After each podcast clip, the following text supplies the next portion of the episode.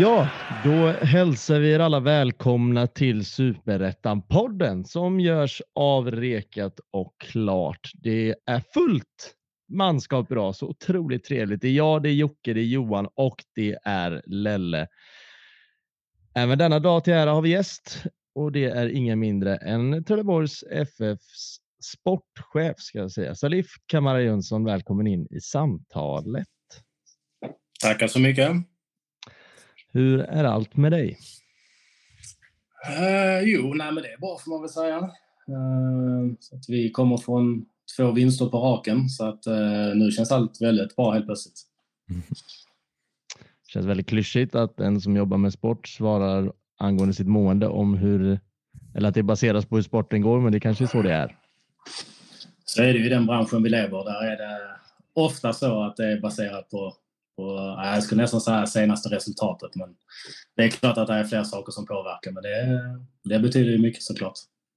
Mm. Jag tror jag fick exakt samma, samma svar när vi hade Kalle Karlsson på besök, så det var det är trevligt. Mm.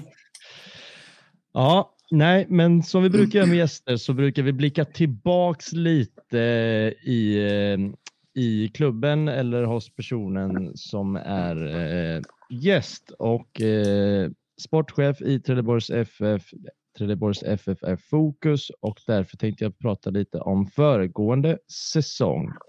Eh, den slutar ju med att ni, ja vad blir det poäng? Ni missar väl kval med, med tre poäng bara och sen var det väl att ni egentligen hämtade ikapp det en del och att Öster tappade. Men, men hur, var, hur, var, hur var tongångarna? Hur gick tugget i Trelleborg när så blev fallet?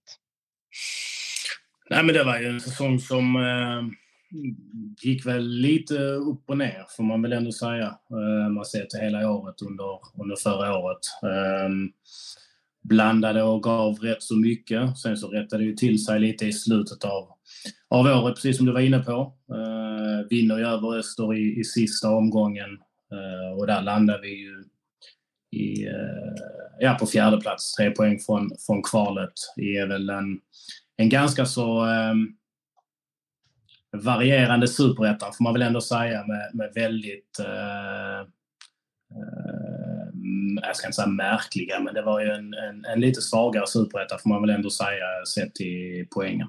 Eh, totalt sett i, i, eh, i serien. Så att, eh, men, men annars så, så blev det ju ganska så bra till slut, tyckte vi.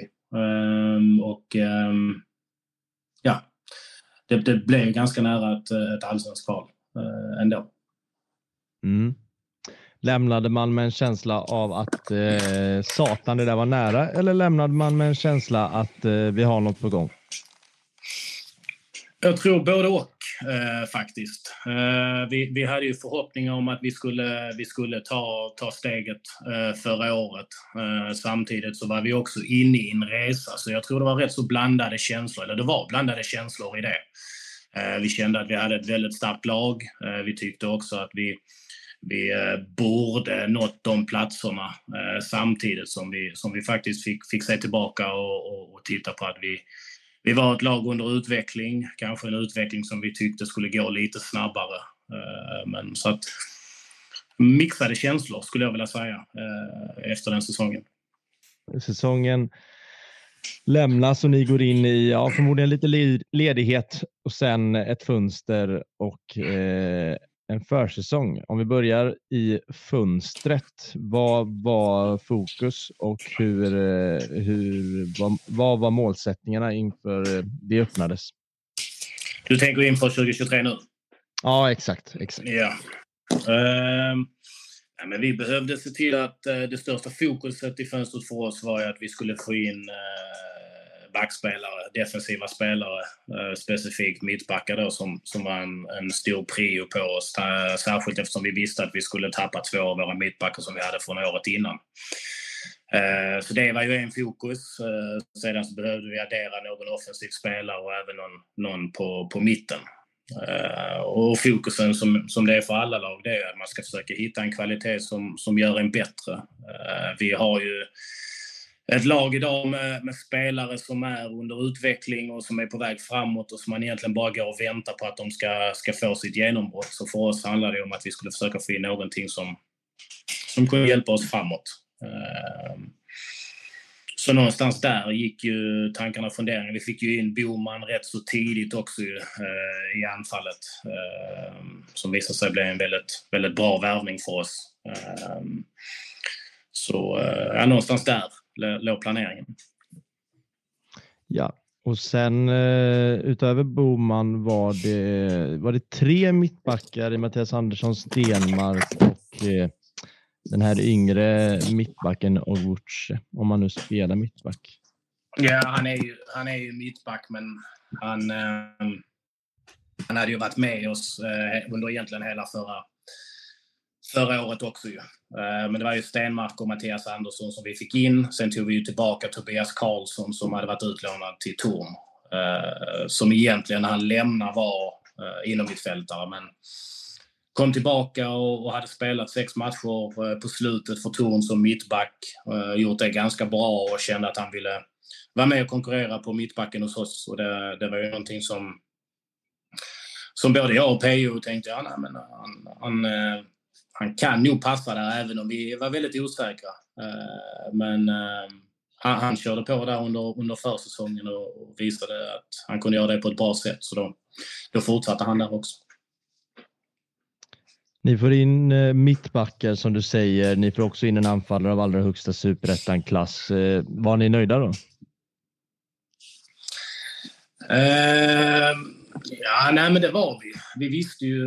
Nu var det ju problematik både med Mattias Andersson som i och för sig hade tränat under hela försäsongen och var i ganska så bra form när vi, när vi väl bestämde oss för att skriva på med honom. Sen var det ju Stenmark som kom från en skadehistorik tidigare och där visste vi väl att det kunde ta tid innan vi fick, fick tillgång till, till honom. Vi visste om att han kommer behöva en, en längre försäsong eh, och var lite osäkra på när vi skulle skulle få honom på fötter igen, men, men hade också med oss att det är en, en mittback av, av högsta klass eh, och Mattias Andersson lika så. Så att vi visste ju att det skulle vara två bra mittbackar som, som eh, vi skulle få möjlighet på. En, en, en Stenmark och en Mattias i, i, i stor form hade vi inte haft möjlighet på.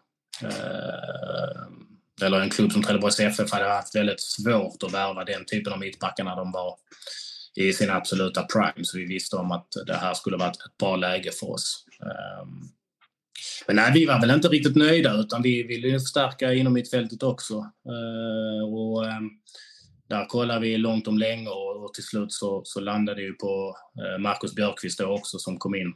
Eh, som vi hade följt ett bra tag. Vi hade koll på honom när han var Utsikten förra året. Eh, vi hade också mött han här i, i någon U21-match som vi där vi kände att eh, mm, lite eh, utifrån vår planering framåt här kommande åren att det skulle kunna vara en, en bra spelare för oss och är också ung spelare som är på väg framåt.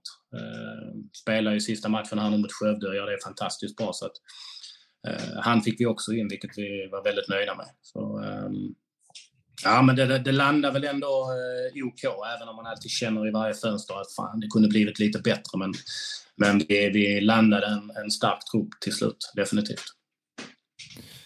Tänkte på, på spelartapp också. Ni, Peter Petrovic gick vidare, men, men eh, sen Johan Blomberg som eh, är ju en spelare som eh, ja, presterat mycket i, i Trelleborgs färger och fasta situationer och, och ledarskapet och, och, allt sånt där. Hur, hur var det där? Ni, ni erbjöd inte honom nytt kontrakt eller hur var det till slut?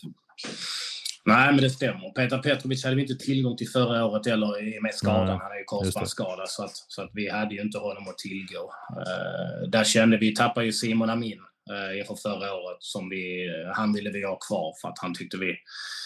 Det, det är en extremt spännande fotbollsspelare. Uh, Johan Blomberg valde vi att vi inte, inte fortsätta med. Uh, han hade, som du sa, han hade gjort bra år. Jag tyckte 2021 kanske var hans bästa år. Eh, 2022 kanske inte var var riktigt så bra. Eh, där kände vi att vi, vi behövde föryngra lite, få in lite nya yngre förmågor. Ehm, och han fick helt enkelt gå vidare.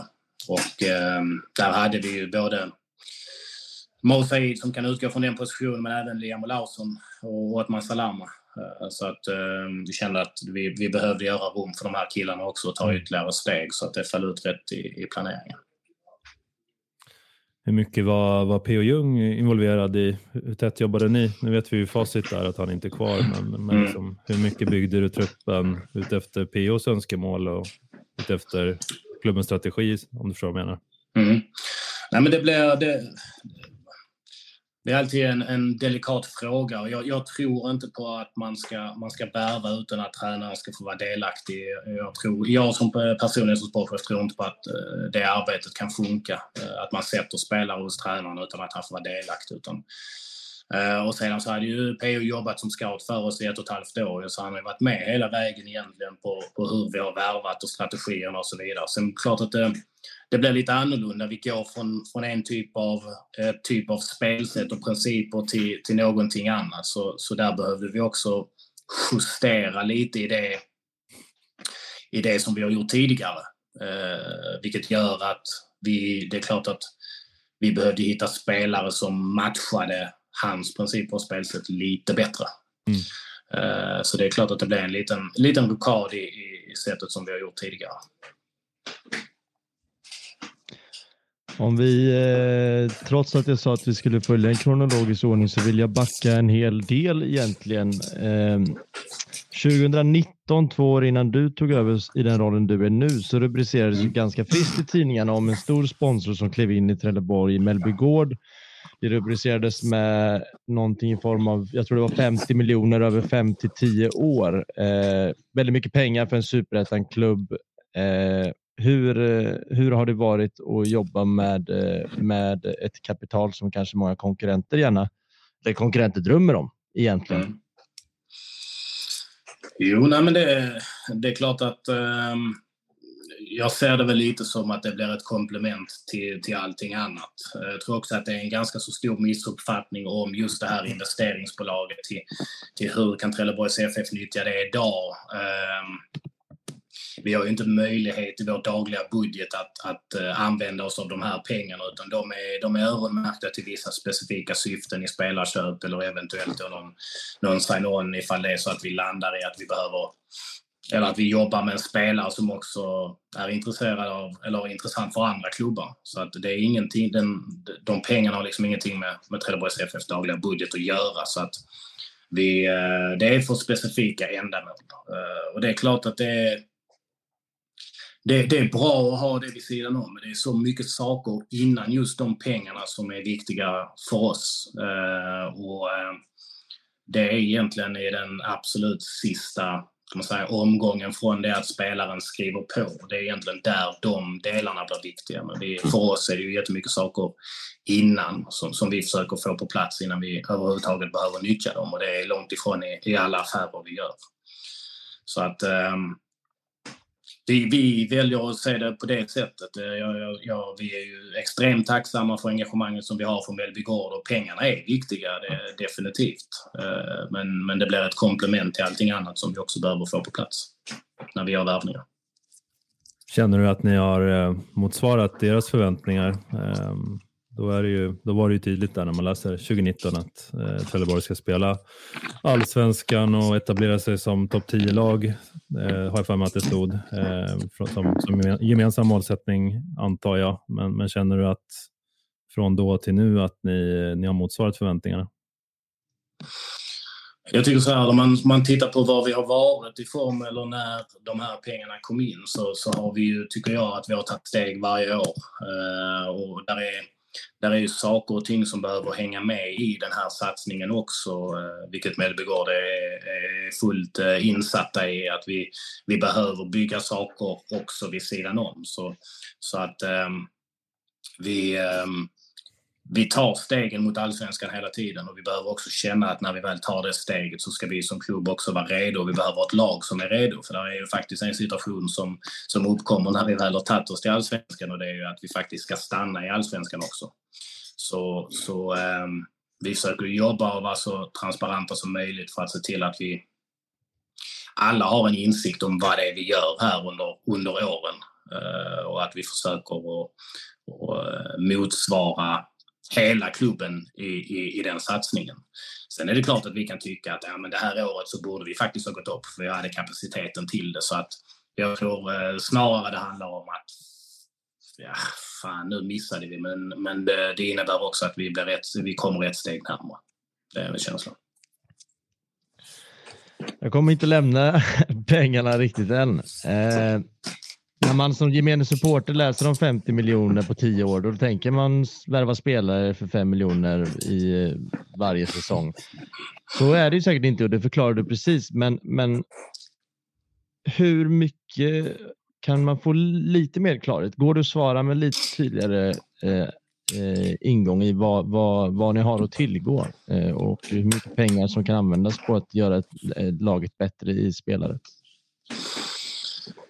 Tror man ska se det istället för, ja, nej, men jag ska göra det så tydligt som möjligt, men jag tror istället för att man ska titta på att, ja, men hur mycket pengar kan ni, kan ni använda, så behöver vi också titta på vilken typ av spelare vill komma till oss. Eh, för att eh, det är ju faktiskt inte den, den absolut säga, mm, bästa spelarna på marknaden som, som kostar väldigt mycket pengar eh, vill inte komma till Trelleborgs FF.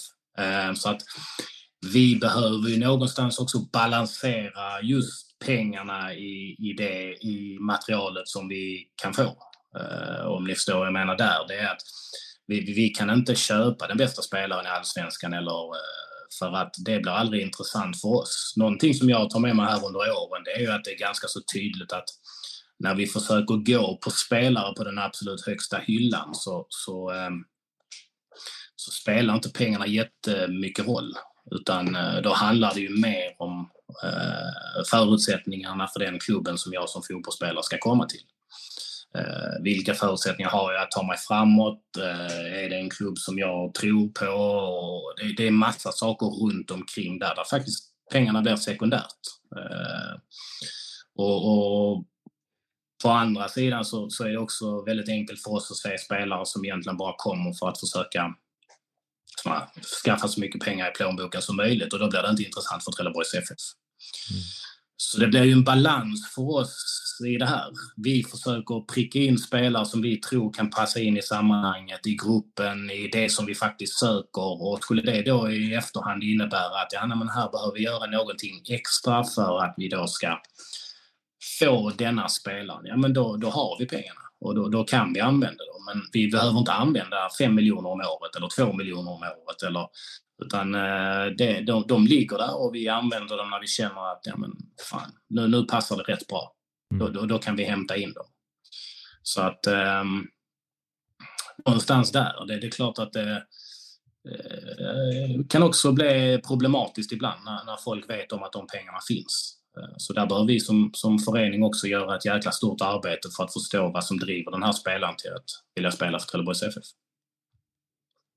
Eh, hur tänker man som en säsong som den här nu det har blivit, det har blivit som det har blivit. Eh, P.O. Jung som har lämnat och om man har haft en lite knackig start, kan liksom diskussionen kring pengarna komma, komma igång nu i ett sånt där skede och liksom hur tänker man inför fönstret? Och, Eh, dessutom så kanske serien ser ut som den gör, alla slår alla lite grann och att det inte finns så utkristalliserade jättetopplag som har dragit ifrån. Känner ni mm. fortfarande att ni har chansen och har samma, är målsättningen detsamma eller hur ser det ut?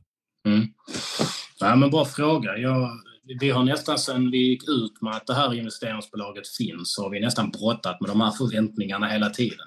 Eh, jag tror att det är det är nog ett ganska så stort bevis på att Eh, man behöver få andra saker på plats också för att få ett lag att funka och för att vinna fotbollsmatcher. Eh, så att eh, det är klart att ehm, vi vi behöver ju nu i det här läget kanske, eller inte kanske, utan vi behöver ju nu hitta tillbaka till en stabilitet och vi behöver lugna ner oss lite och, vi behöver... Eh, och med det sagt så innebär det inte att vi, vi, vi droppar vår målsättning, men nu är vi här. Eh, det här har hänt och nu, nu behöver vi liksom förstå var vi är och jobba stenhårt för att komma tillbaka till status quo nästan. Och, och sedan så får vi ta ytterligare steg utifrån det.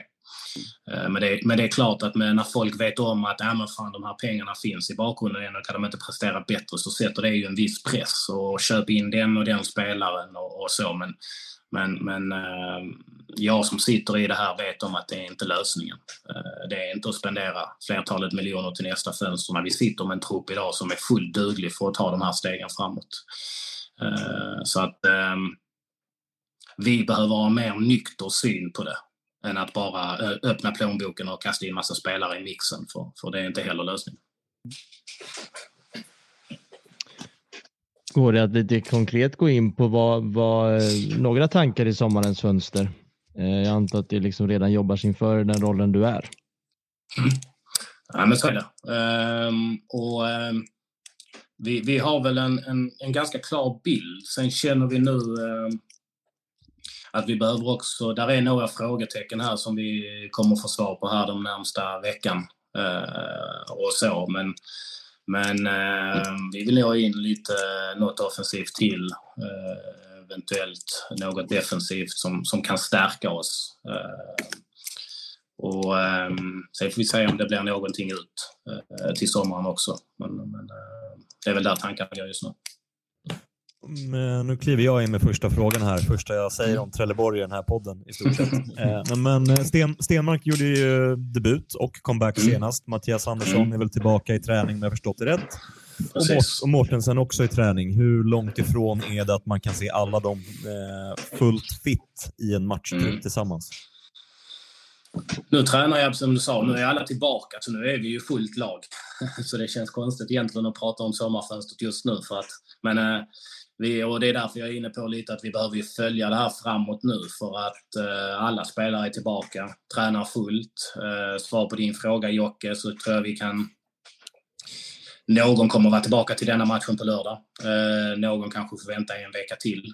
Men eh, ser vi två veckor framåt så, så bör vi ha eh, helt full trupp då, eh, bortsett från eh, Abel Gucci då som är på, eh, på VM då i Argentina. Men då är alla tillbaka. Och I och med att eh, Stefan tar över tills vidare och då blir det en resurs mindre kring herrstaben. Kommer den vara intakt eller kommer det plockas in en ytterligare person där? Just nu så kommer den vara intakt eh, och inte planerad att ersättas. Eh, men kan ersättas eh, beroende på hur vi nu resonerar framåt. Men ehm, just nu så är det ingenting in the books. Jocke fiskar ju efter det jobbet, bara så du vet Salif. Jocke, Jocke är alltid högaktuell i och med att han är på SF, så att vi, absolut. Mm. Ja, det är bra. Han är redan på payroll så det är bra. ja, exakt. Inga extra kostnader. en fågel viskar i mitt öra att ni har haft en provspelare på plats i veckan. Kan du säga något om det? Mm. Ja, absolut. Eh, uh, Emanuel Godwin, född 05. Um, ehm, från vår samarbetsakademi i Nigeria, Triple 44. Uh, eh, har varit hos oss nu, det här blir faktiskt hans fjärde vecka. Eh, så han har varit i träning här under, under nästan hela maj månad. Och eh, spelade match nu eh, mot Malmö FF, gjorde det fantastiskt bra. Så att ehm, vänsterback, kan spela högerback också, lika bra med båda fötterna. Eh, väldigt intressant fotbollsspelare. Eh, så får vi se lite vad som, vad som händer framåt här, men han, han ser intressant ut. Fantastisk fotbollsspelare, väldigt bra med båda fötterna, kan spela både till vänster och höger. Så länge inte pengarna blir obskyra så låter det som en spelare som spelar i Trelleborgs FF väldigt snart. När jag jobbade åt Giffarna så fick jag oftast från agenter massa sådana här ja, ja, pdfs från någon obskyr agent i Afrika. Då var det en som skrev, en kille som var 1,96 lång, han var som en korsning av Messi och Ronaldo. Han här killen har ju faktiskt tränat i fyra veckor så jag tror det är lite mer på fötterna här Johan. Ja, där har vi lite koll. Där har vi lite koll. Var det Ronaldo Damus Johan? Ja, jag jämförde faktiskt inte. Eh, det var bara en liten grej. Vad sa du Jocke? Var det, var det Ronaldo Damus eller? Var det han Nej, han är ju svinbra. Ja. ja, men några sådana har jag faktiskt fått. De kan jag väl en, i, i mailboxen. Jag tänker mig Du Salif, jag är nyfiken på, på tränarbytet förstås. Um, dels, uh, ja, alla kan ju förstå om man har ambition att ligga i toppen och, och förlora match efter match. Eh, men, men om du tar oss tillbaka till det beslutet och ja, vilka, vilka anledningar fanns det till att gå skilda vägar med, med PO? Och, eh, fråga två är ju då eh, Jakobsson, eh, är det en långsiktig lösning som du ser det? Mm. Ja, nej, men vi, eh, först och främst så gör vi bytet att EU får gå in eh, av alla de rätta intentionerna till att vi faktiskt får in en, en väldigt erfaren fotbollstränare. Eh, han har gjort resan från superettan till allsvenskan två gånger. Fanns i vår organisation, hade bra koll på, på hur vi tänkte. Eh, hade också varit med då i, i byggandet av laget framåt. Eh, och ehm, vi eh, valde att, att, ta det beslutet och, och, och, få in PO som, som eh, är en eh, rätt tränare och hade väldigt bra idéer på hur vi kunde ta det här eh, framåt. Och, och, sedan så, så blev det ju ingången som vi fick eh, och vi eh, kände inte riktigt att vi, vi hittade rätt. Eh, krocken blev väl lite för stor jämfört med vad vi har varit eh, tidigare. Eh, och vi, vi kände inte att vi, vi kunde hitta tillbaka eh, i det utan eh, vi kände att vi behövde gå in och göra en förändring för att eh, stoppa fallet lite eh, och få tillbaka grabbarna på, på, eh, på rätt väg. Och, ehm, så att eh, det beslutet var, var nödvändigt kände vi. Eh, och sen så fick vi ju väldigt bra input eh, direkt här utan att förkasta någonting som, som PO gjorde som faktiskt eh, gav allt och var väldigt dedikerad för att försöka få det här på, på rätt väg och, och bygga det eh, på sitt sätt med, med sina principer och, och, sina tankar men som, som dessvärre inte funkade eh, till 100 procent hos oss. Och eh, Stefan tar över Ehm, känner ju laget sedan tidigare och den övergången blev ju ganska så smidig eh, sett utifrån det att killarna eh, behövde få tillbaka lite trygghet och ehm, lyckats vinna två matcher här för oss där vi har gått tillbaka lite i det som vi, vi byggde under förra året. Och ehm, det är klart att Stefan, Stefan är ett alternativ för, för, eh, för en fortsättning, definitivt. Nej, när du säger att det blev för stor skillnad då, eh, mot så som ni spelade i fjol, som jag tolkar det med, med Christian Heinz. Eh, ja, kan du känna självkritik i det? Nu vet jag inte om du, du ensam tar beslutet om vem som mm. tränar laget. Det kan ju vara, mm. vara en, en, sportgrupp eller styrelse som är med i det beslutet också, mm. mycket möjligt. Men, men känner du en självkritik kring att det blev så stor skillnad och, och att det blev någon, lite av en kulturkrock mm. mellan raderna kanske? Mm. Nej, men det är klart att jag måste ta ansvar för, för allting som händer i, i uh, sporten. Uh, sett uh, vem som, som fattar besluten och så vidare så här. Men det, det är klart att man, man gör det. Jag verkar ju för, för föreningen och vill föreningens bästa och grabbarna såklart. Så att jag tar ju fulla ansvar för, för de delarna. och sen så handlar det ju om att, att försöka få få saker och ting på, på rätt bana så snabbt som möjligt. Så att, ehm, men, men det är klart, det, där har jag ett ansvar till alla dagar i veckan. Johan, Jocke, Lelle. Jag känner mig nöjd. Är det något vi har missat? Eh, nej, men det är väl eh, två, två segrar i rad. Eh, vad, eh, vad pratar ni om internt? Eh, är det som funkar just nu, liksom rent både spelmässigt och gruppdynamik? Vad, vad, vad är känslan? Sen kan det ju vända fort åt andra hållet, det vet ju alla, men, mm. men eh, ni verkar ha fått någon positiv effekt av bytet av tränare. Ja, nej, men det har vi, det har vi fått.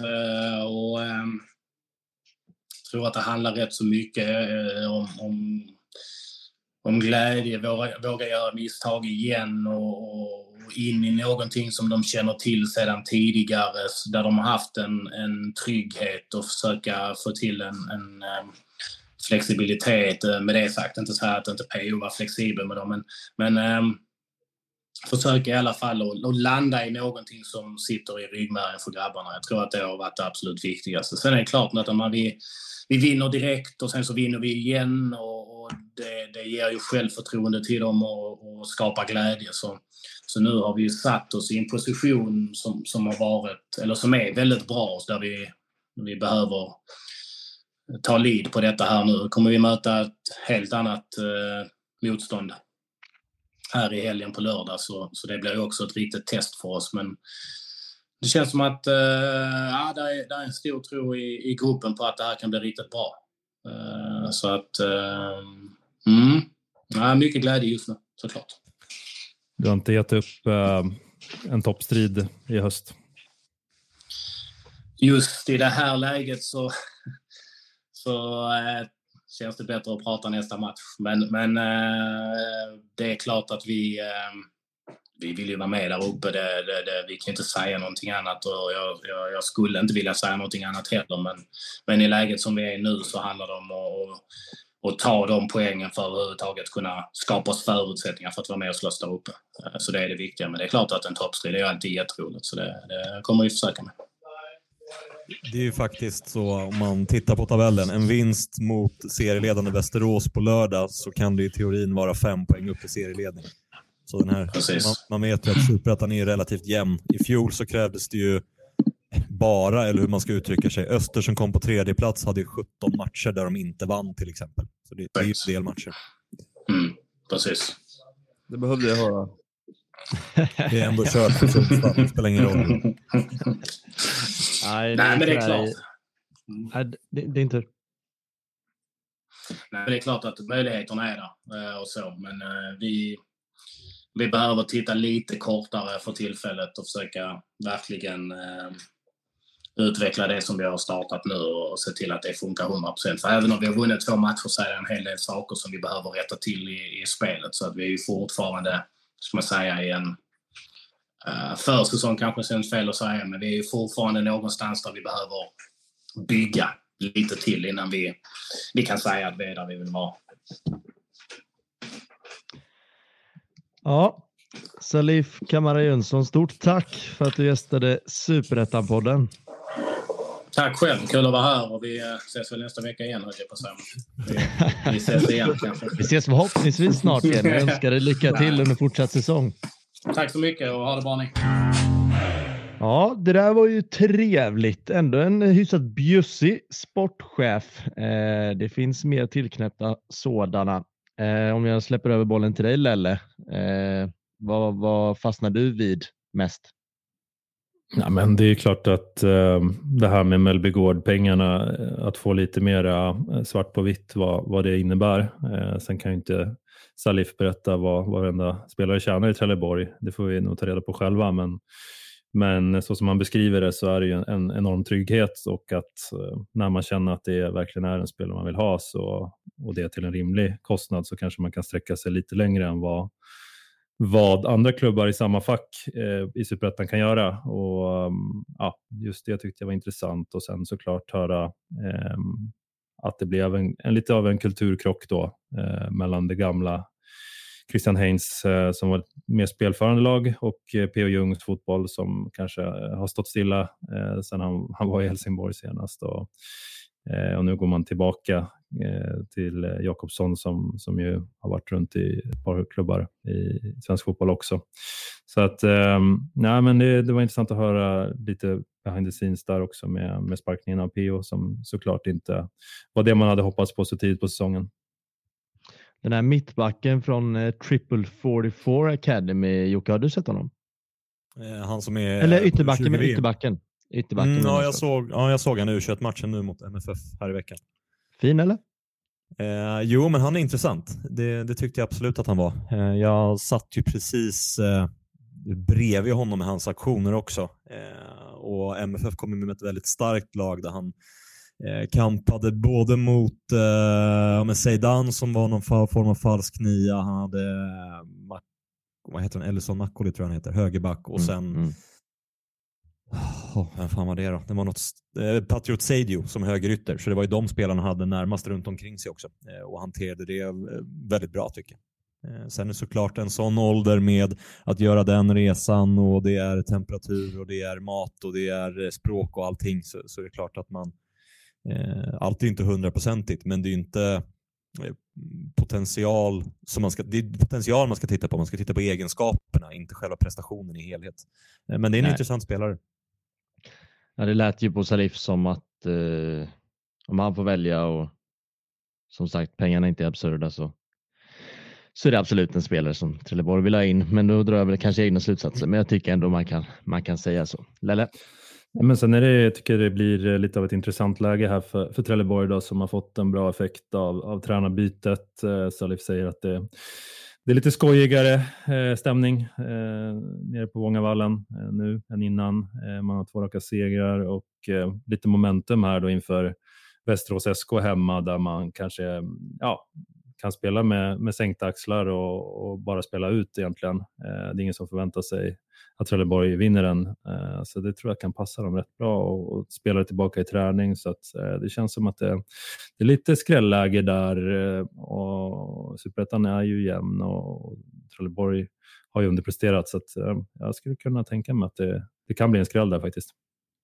Jag tycker man ser på Boman, jag tror det, han gör 2-0 målet var senast mot Skövde, att, ja, men att han blir väldigt glad och att han är väldigt så, det känns som att eh, eh, genuin glädje för, eh, för att de har hittat tillbaka till någonting och att man också gör avgörande målet där trots att man tappat 2-0 till 2-2 känns som att man har något på, att man har ett go som, eh, som eh, jag tror att man kan behöva och som man kan gå ganska långt på.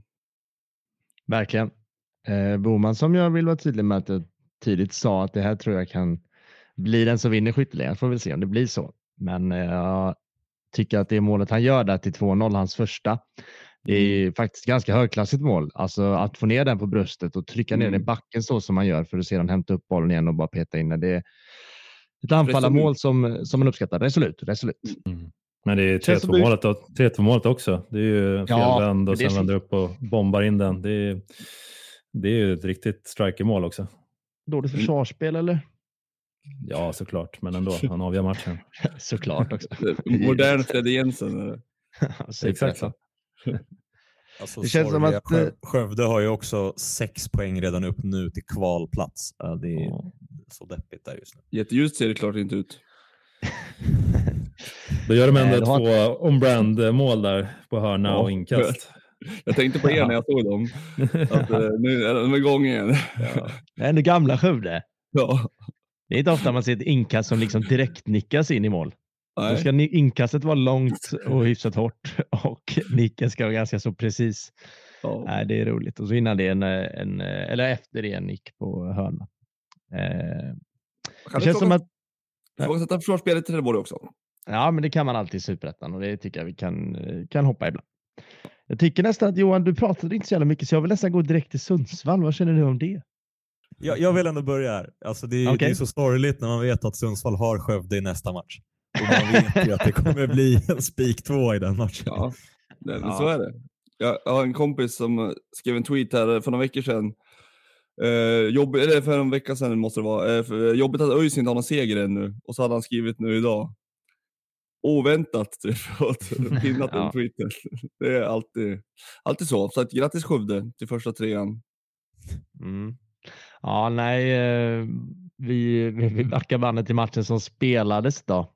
Vad, hur gå i och ta oss igenom misären?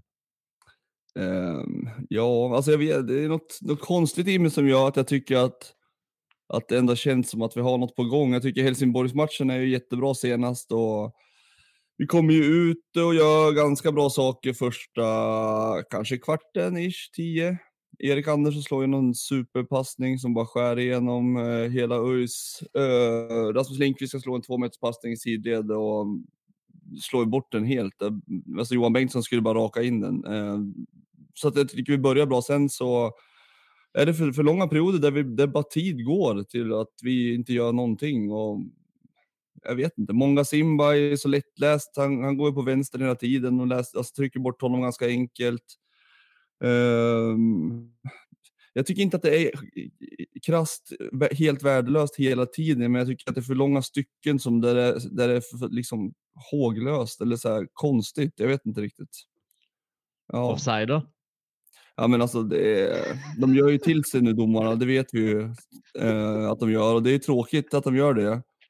Eh, men det där, det borde väl rendera en avstängning på en fyra, fem veckor i alla fall kan jag tycka. Ja, det, det, det, det är tydligt onside där. Det är två meter. ja, men det är, det är något sånt. Det, man lider ju lite med, med Giffarna där och, och Engblom som behöver få igång målskyttet. Um, så det, nej, den är faktiskt uh, den är hård. Ja, det är exakt likadan i fjol i, i, på, Göteborg mot, uh, mot Göteborg. Två meter onside mm. på egen plan halva som blev avvinkat offside också. Mm. Ja, det var därför Sen, du gnällde på Gamla Ullevi. Ja, precis. Exakt. Ja, jag förstår. Um, sen så noterade jag statistiken att vi hade, vi var faktiskt i topp of the League på en parameter och det är ju skott i virket då. Där hade vi sex skott i virket hittills och tvåan hade tre. Mm. Bara så att ni förstår hur otur vi har.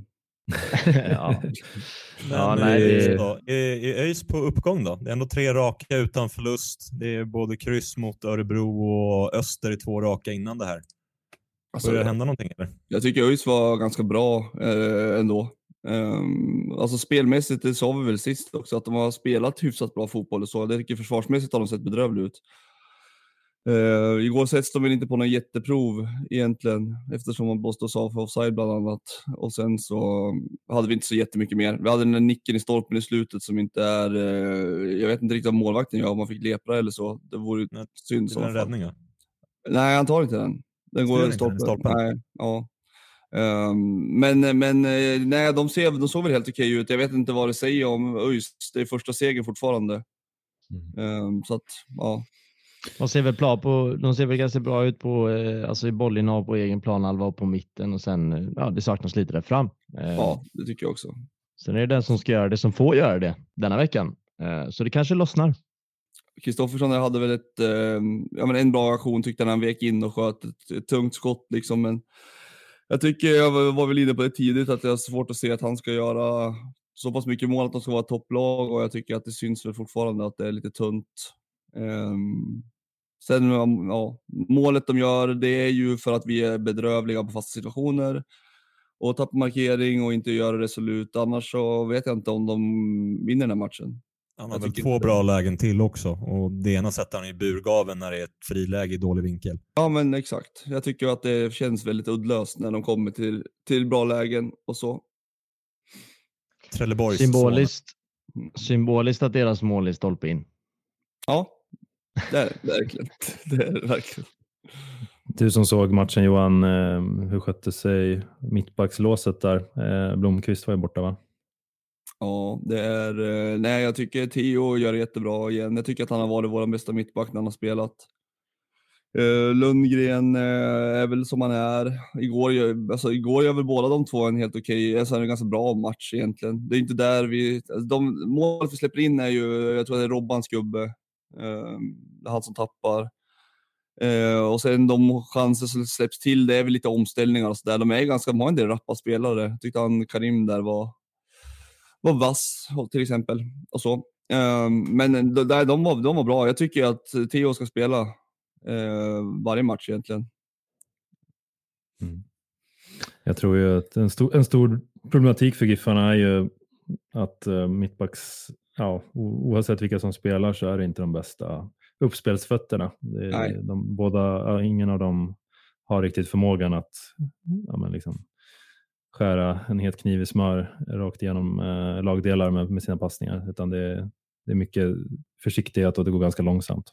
Ja, det är problemet lite med det spelsystemet som vi försöker anamma också, att vi, att vi ska spela från backlinjen. Jag skulle nästan vilja ha en snabbare passning från backlinjen på en eh, innermittfältare som fick bygga spelet lite högre upp i banan för att få eh, så att slippa sätta sig i situationer, för vi gör ju det ganska ofta för att de har för dåliga fötter tyvärr. Mm. Mm. Ehm, sen förstår jag att, att Dogge har sin, sin spelidé och så. Jag tycker om tränare som, som uh, anammar sin, sin filosofi och så, men, men i det här läget skulle jag nästan vilja att man lite snabbare sätter upp bollen på, ja men Erik Andersson till exempel, eller Paja Pitschka som jag tycker ändå Eh, har ganska bra fast fot också. Varför tar man av Bengtsson och Karström redan innan 60 minuten? Nej, det är jättekonstigt. Eh, jag tycker, jag menar Bengtsson är ju den som har varit het nu, är het och liksom så länge han är på plan, han springer ju också väldigt mycket. Han sätter ju backlinjen på, alltså under väldigt stor press. Um, Linus är ju så långt ifrån sina fornstora dagar så att det, det, känns... Jag förstår ju problematiken med att vilja ha igång Linus. Um, och, och alltså kontra mot att han inte är i form. Det, det är liksom ett, en väldigt svår sits, men man behöver inte göra båda bytena då. För jag tycker Karlström också varit bra nu ett tag. Ja, men fan, Hallenius är väl 34 i år och har en korsbandsskada bakom sig. Alltså, Mm. Och Mm, Engblom är ju... Mm. sig. Nej. Ja, och Engblom är ju, börjar också bli till åren. Det är inga speedkulor utan det är två statiska forwards just nu egentligen som absolut inte ska spela tillsammans tycker jag. Nej, men det har ju sett väldigt bra ut när Pontus har fått agera lite uppspelspunkt och så har du haft Simba, Bengtsson, Karlström som har sprungit runt omkring. Precis. Precis. Så det, det gillar jag verkligen, men så fort du sätter in liksom Linus och Pontus och sen så sätter du också in Novik som är eh, mer eller mindre en statisk spelare. Jag tycker inte alls att han har varit bra i år. Eh, jag, jag, jag begriper inte riktigt det bytet eh, heller, ska sägas. Nej, vad säger ni? Ska vi hoppa tillbaka till... eh, Vet ni vad jag gjorde i fredags? Detta. Kollade på Brage Gävle.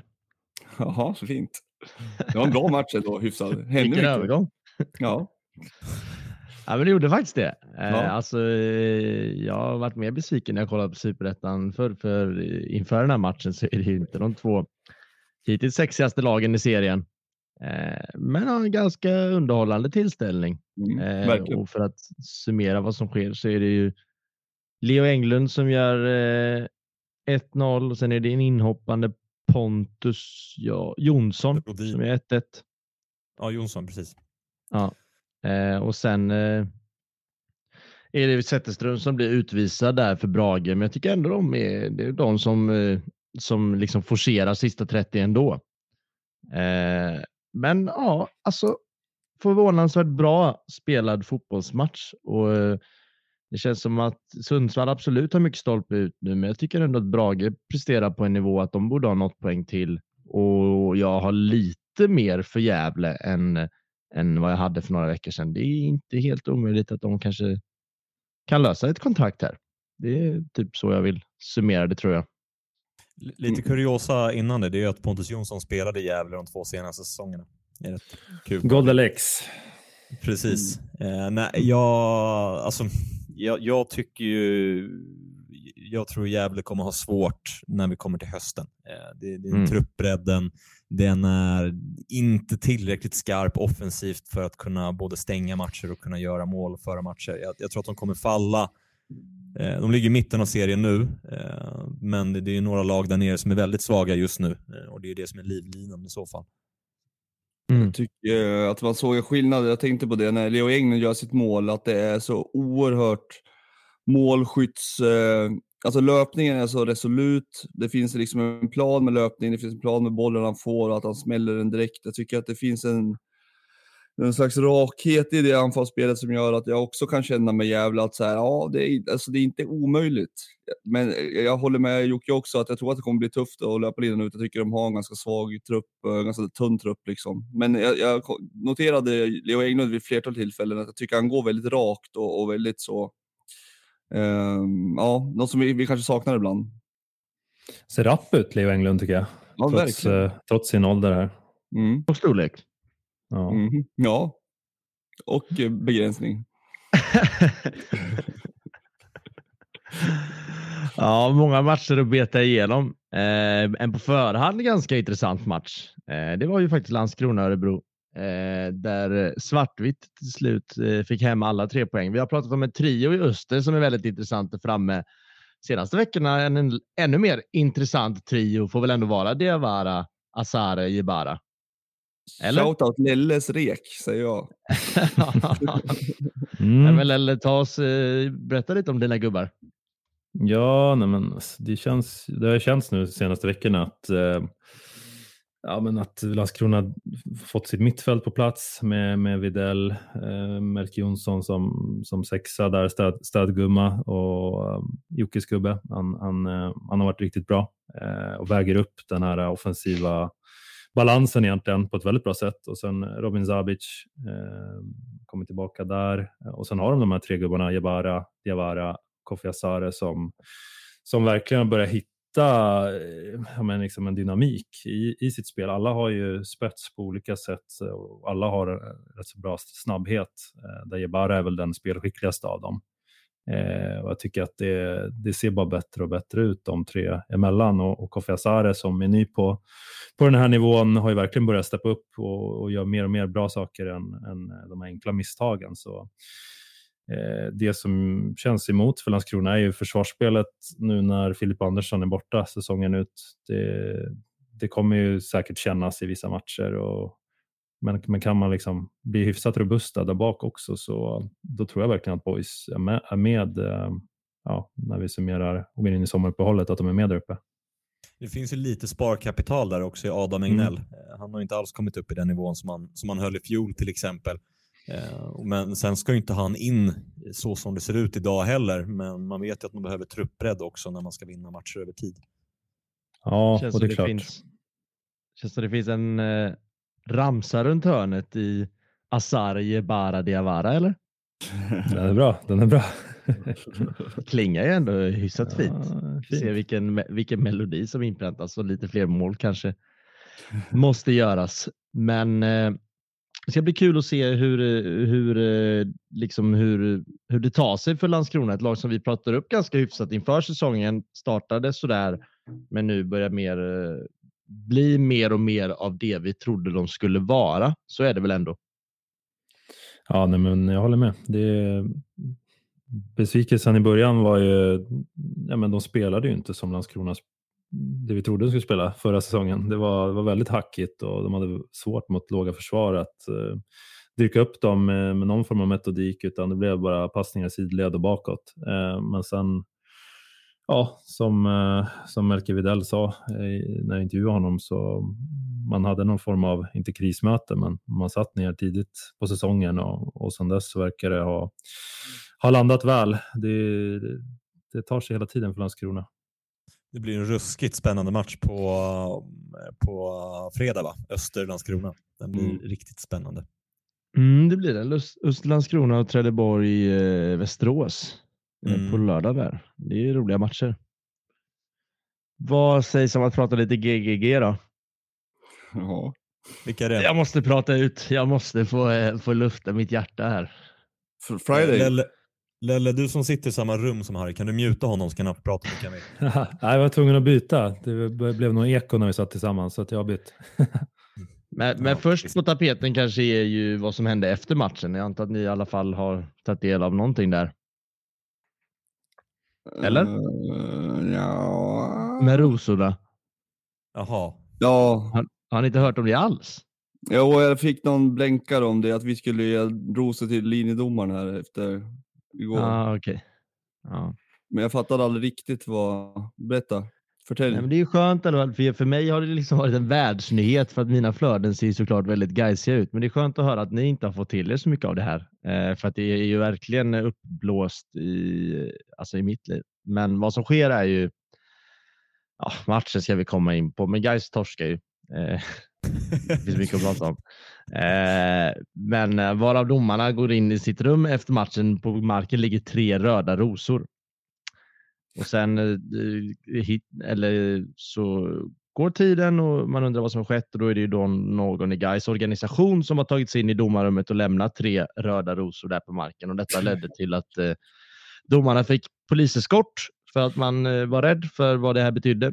Eh, händelsen har polisanmälts Eh, det har varit mycket skriverier om det. Laul har ju såklart sagt det han vill mm. säga. Eh, ja, punkt. Eh, matchdelegaten eh, har också, eh, nämnde också, kom in på våran eh, klubbchef Magnus Sköldmark och, eh, och att han mycket möjligt kan anmälas till SVFF eh, med citatet synpunkter som han hade var i en aggressiv ton mot domare och assisterande domare högt och tydligt på ett felaktigt sätt. Så det är väl lite två händelser igen då. Var, var Eh. eh. pollenallergiker eller domarna? Nej men är Kul det, att- är det fint att du tar min sida. Är det någon symbol eller vad är det? Nej, men Det är klart att det kan vara lite hotfullt att få tre rosor. Jag fattar att det inte är Ja. att man tycker att du gjorde en fantastisk match, men, men eh, finns det något, liksom, finns det något, tre röda rosor betyder något eller? nej. Nej, så Nej. är det väl inte. Men alltså, Det är tre klart det är röda korkat. rosor-bilder de målar upp i sitt huvud är väl att det är väl vad man lägger på en gravsten till exempel. Ja. Eller något sånt. Och därav tar de det. är ju- ja, det är klart. Det är, I vilket Eh, fall som helst är det väl jävligt korkat. Hur länge blev han avstängd? avstängd? Ledaren? Eh, det, det vet jag inte. Det vet jag inte. Det ska jag absolut veta. Eh, han ingick väl i ledarstaben kring herrlagets matcher, eller hur? Mm. Ja, Jaså? jag, ja, men, Jaså? Nya Jocke? jag, jag vet inte, är mitt svar. Syn, Okej. syn. Mm. Eh, det om det eller? Mm. Men är det omdömeslöst? Svar ja. Ja, alltså vad menar Eller ja, förklara det bara. Vad menar du med omdömeslöst? Att gå och lägga tre röda rosor i domarrummet. Kork, äh, korkat eh, på svenska eller? Ja, jo precis. Jo, att man saknar Ja. omdöme. Att om, Ja, jo, jag förstår. Jag vill bara försökte, det är mitt, det är, alltså det är mig det snurrar. Eh, ja, ja, det är klart det är det. Ja. Det är Mm, klart Ja, som om, satan det är det. omdömeslöst är ett svenskt ord också. Ja, jo, jag vet, men eh, jag försökte bara förklara att, ja men okej, på barnspråk då så vill jag ha förklaring. Ja, Eh. det, var dumt gjort. Eh, det, det var det. Men Eh, ja, så jävla farligt. Vi lämnar det där. Ja, Matchen då? Eh, fy fan, jag har aldrig varit så frustrerad i hela mitt liv. Det är sån satans jädra demolering. Snyggt Framförallt i första halvlek. Gå inte till 80 minuten för fan, jag är på sekund 30. Eh, vi får ju inte in den där bollen. Eh, alltså, i första halvlek har J Södra ett skott och det är inte i närheten av mål. Vi har 13-1 i hörnor. Det tyder väl ändå på någon form av forcering genom hela matchen. Eh, Gais har ett XG på över 3. J Södra har ett XG på 0,3. Och det slutar 1-0 eh, i, i den här matchen till, till J Södra. Eh, och det är, alltså, är så frustrerande, så mycket som vi har pratat om den här jävla Richard Friday. Alltså det satts hemma i den här jädra soffan och när han drar på sig det gula efter sex minuter. Alltså, jag sa, min gode vän satt jag med Jesper och han är också Gaisare. Vi sa båda två, det är bara en tidsfråga innan han gör något dumt. Alltså det är så jävla givet att motståndaren skulle utnyttja det här. Och Så vilket de inte ens behövde i slutändan. Så- var hans reaktion efteråt. Han var ju så himla så här, han tänkte först bli arg och sen bara, nej det kan inte bli för att det är så dumt det här. Nej, och sen är man ju också så jävla frustrerad för att det går ju inte att se heller om faktiskt målvakten är lite på Friday eller inte. Och det är kanske väldigt många där ute säger, ja, men det är han ju inte och så, men det går ju faktiskt inte att se så därför blir det ännu. Kollar man på Friday så var det inte kanske på så mycket att det påverkade honom så värst mycket, känns som. Ja, alltså så här, hade han inte gjort det här, alltså hade han inte gjort den här dumma filmningen, eller för mig förstärkningen i straffområdet, så hade han väl gjort mål där och tagit av sig tröjan. Alltså det, han är ju så dum. Det är det som gör mig så otroligt frustrerad. Ah, Ja, Sen att det är Robin, Robin Frey som får flest målchanser av alla, det är lite onödigt också. Det finns ju några Ja, skarpa. och det är också lite tråkigt för att jag menar det vi kanske inte har världens bästa högerbackar, men hade varit en högerback som vanligtvis spelat där varit den som fått chanserna så är jag rätt säker på att det i alla fall blivit lite bättre. August Wengberg har ju faktiskt en näsa för mål. Det är några jävla lägen ni missade. Lindberg och... Jag vet, Alltså, jag vet. Det är Elic så... måste ju ha missat, han måste ha haft ett XG själv på 2,5. ja, ja, ja, ja, exakt, exakt.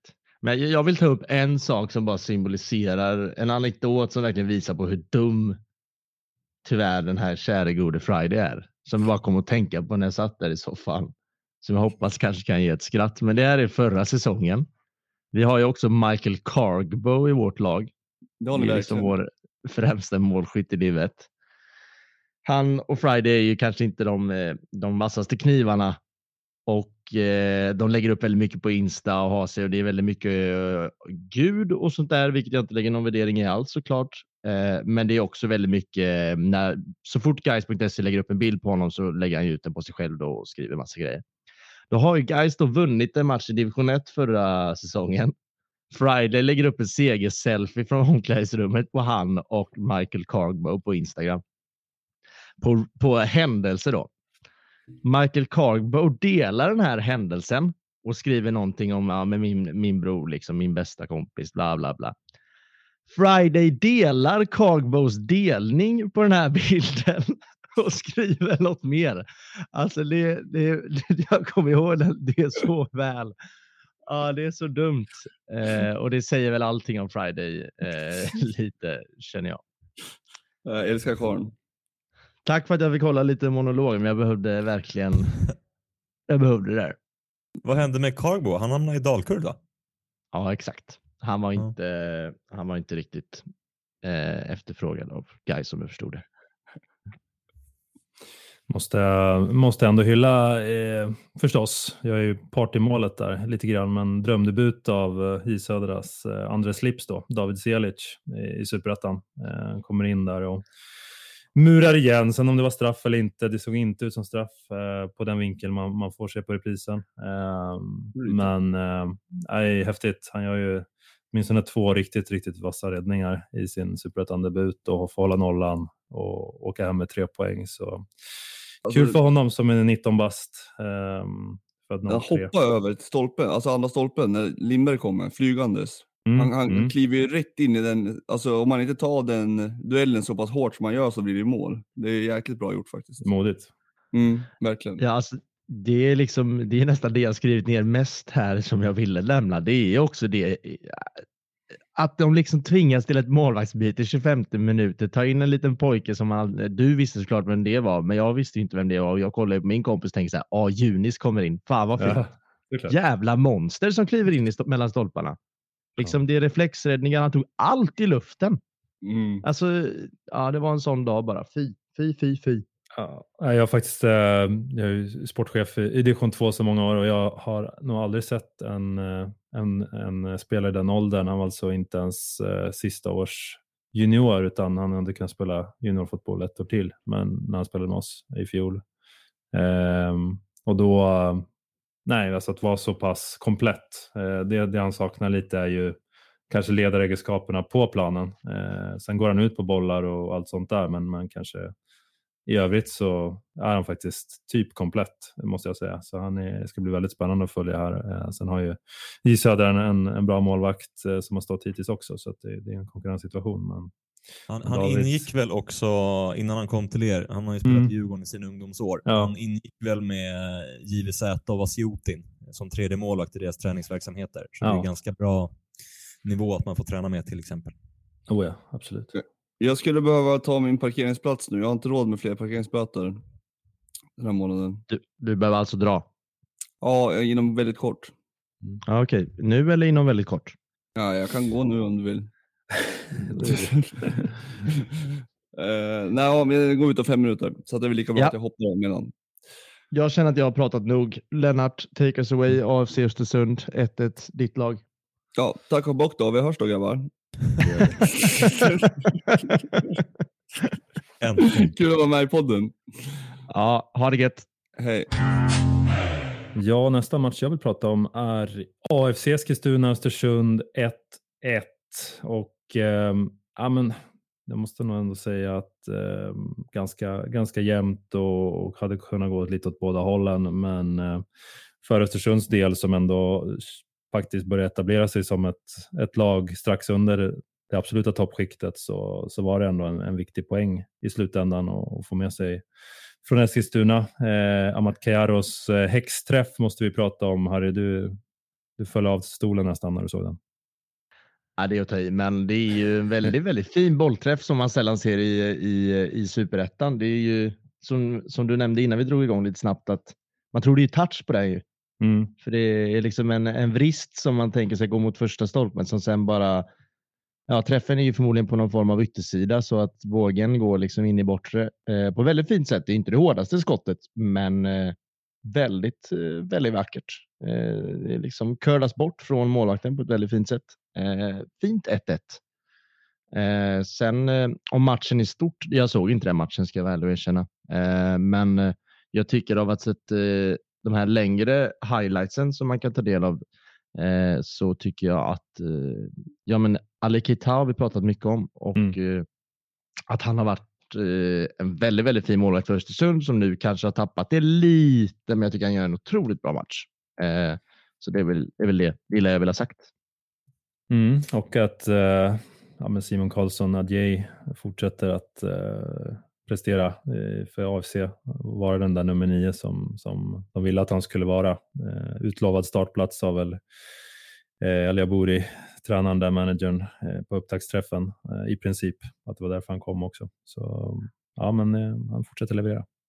Alltså, jag, jag vill syna AFC lite grann ändå. Eh, Lelle, framförallt, du har ju pratat väldigt mycket om El Jabouri och hans truppbygge, att han hittar spelare från lite Mm. olika ställen. Mm. Eh, och jag vill inte på något sätt säga att han har misslyckats, men jag tycker att eh, man lever lite grann på gammal sanning. Eh, Jag tycker inte, alltså de har inte alls samma höjd som de hade förra året i spelet, men det finns fortfarande liksom en, en godkänd bottennivå. Eh, Karlsson Adjei gör ju sitt första mål nu till exempel. Eh, och borde gjort fler med tanke på det namnet han kommer med. Mm. Eh, och sen, sen kan jag faktiskt dela det som Johan säger med Nick Wolters i mål. Jag tycker han är alltså, direkt svag i år också. Eh, tur att han har gått nu så inte han får det bekräftat när han sitter bredvid. Men, men jag, jag är inte helt övertygad om eh, det här bygget den här säsongen. Med det sagt så ifrågasätter jag inte hans kunskaper över tid, för det är fortfarande en intressant person. Eh, Al tänker jag då. Mm. Men, Eh, Alltså det har Sen- varit en väldigt stor rotation i, i truppen. Det, det får man ju ändå lov att säga. Eh, alltså Mm. Det är väl ingen, ingen som har sagt här att de ska vara någonting annat än ett lag på nedre halvan. Men att det som vanligt med AFC får visa sig. Det är så många spelare man inte eh, vet egentligen på förhand vad de håller för nivå. Eh, sen Mm. är det väl kanske lite mindre Ja, men ofta har det ju varit en kanske större internationell prägel på truppen medan nu är det väl eh, inte riktigt på samma sätt.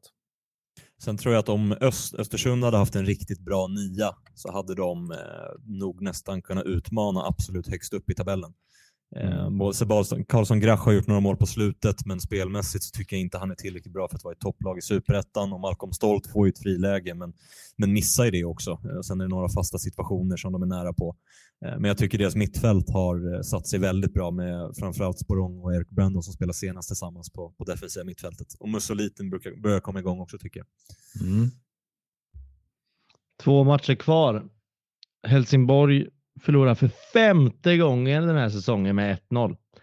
Eh, en eh, intressant statistik. De gör det mot Utsikten som har börjat väldigt bra eh, den här säsongen, minst sagt. Men eh, ja, det är eh, tillbaka på gammalt spår och det är fortsatt, fortsatt ganska mörkt i Helsingborg. Alltså, 1-0 är ju underkant också. Kan jag tycka. Alltså jag, jag, nu har man ju verkligen sett Helsingborg fler matcher, man börjar få en bild av det. Men den här Mm. backlinjen de ställer på banan senast, alltså det är, det är inte ett topplag i ettan, norra eller södra. Södra för Helsingborg, men i ettan. Alltså bara hur han blir Ja, jag vet inte vad jag ska säga. Alltså i målet som Nej. Hedlund gör tror jag när han bara flyger iväg. Jag, kom, jag tror att det är Hellman och sen har han en Mm. bolltapp Mm. också där Hedlund behöver göra mål. Alltså Kalle Joelsson tycker inte jag är fantastisk. Men han ser ut som ett monster för att han får så mycket skott mot sig. Mm. Han ser också ut som ett monster på ett annat sätt. Jag tycker det är lite komiskt om man lägger märke till det, men varje gång någon gör ett misstag i den backlinjen, eller till och med om han bara gör en räddning, då skäller han ut sina backar till notor. Alltså varje gång. Det, det ser nästan lite larvigt ut. Eh, jag vet inte liksom om det är det den backlinjen behöver. Det kan liksom vara att de inte ens gör ett misstag, utan det är ett skott utifrån där han får slänga sig och tippa ut i hörnan. Men han bara vänder sig om och liksom Mm. skriker till sina mittbackar. Varje gång, Mm. varje gång. Det, Jag vet, jag vet precis vilken situation du tänker på. Här. Det är den med Hellman där han tappar bollen. ja, ja, delvis, men det är Alltså, alla. Det är alla. Kolla, kolla Ja, men alltså, men just- Varje gång. Just, just i den situationen, alltså det ser ut som Ja. att Hellman ska börja gråta nästan. Alltså han mår ju, han mår, alltså han, nej, alltså jag, det, jag är inte ironisk så, utan han mår ju dåligt över det här Mm, misstaget, så blir han utskälld. Alltså det ju- måste vara, det, det är väl, det är den största klubben i Superettan, det är ju inte att sticka ut hakan på något sätt med publik som är där. Och sen att vara så pass miss, misstagsbenägna som man är just nu som kollektiv, alltså det är så fruktansvärt svårt att ta sig upp därifrån. Ja, jag menar tränarbyte har de redan försökt och um, ja, det, det blev en snabb pigg injektion men sen, jag menar, de har ju tur som får med sig poäng mot Sundsvall. Eh, och i den här matchen förlorar de ju rättvist hemma mot Utsikten. I det läge de befinner sig i så ja, jag vet inte, det, det går ju inte att tro att de här kommer resa sig och bli ett topplag så som det ser ut nu. Nej, jag tror verkligen inte de gör det. På samma sätt som man är ganska säker på att det är klart inte fallet kommer bli så hårt. Alltså de spelar i Superettan nästa säsong, så är ju verkligen känslan. Jag är inte säker. Oj då. Nej, men där, jag är absolut inte säker heller, men, men nej, nej, det är, det är alldeles för många lag som kommer, eller inte alldeles för många, men det är, det är så pass många lag som kommer vara sämre än dem. Det, det vågar jag absolut påstå.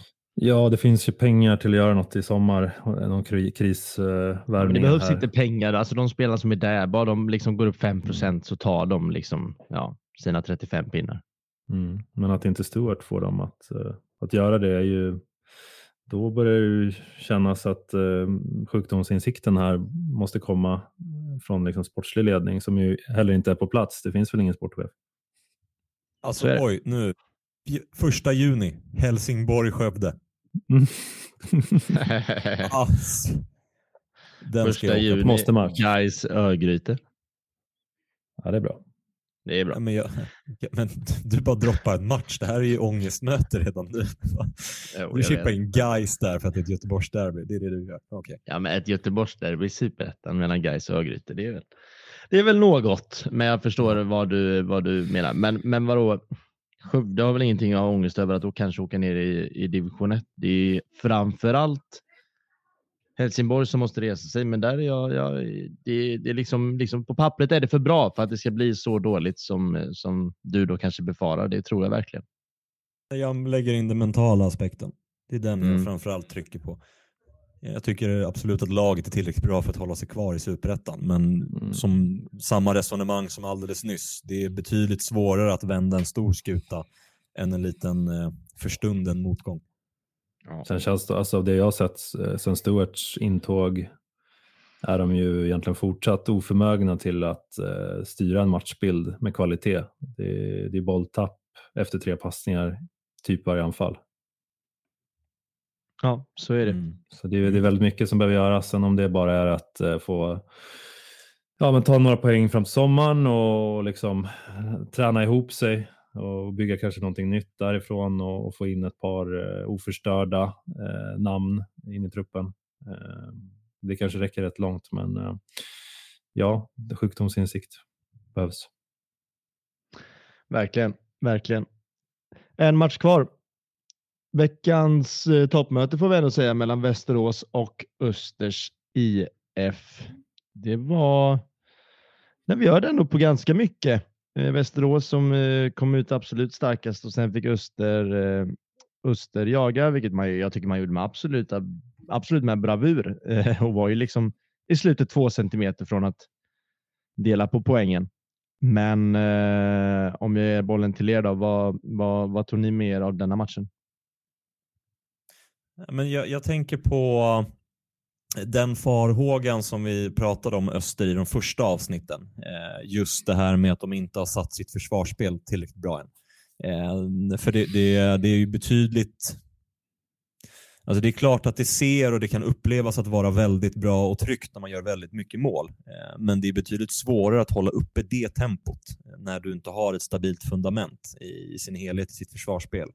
Och Det tycker jag de blir synade lite grann på nu. Med det sagt så ska, ska man väl säga att det saknas ju inte målchanser för att göra fler än ett mål.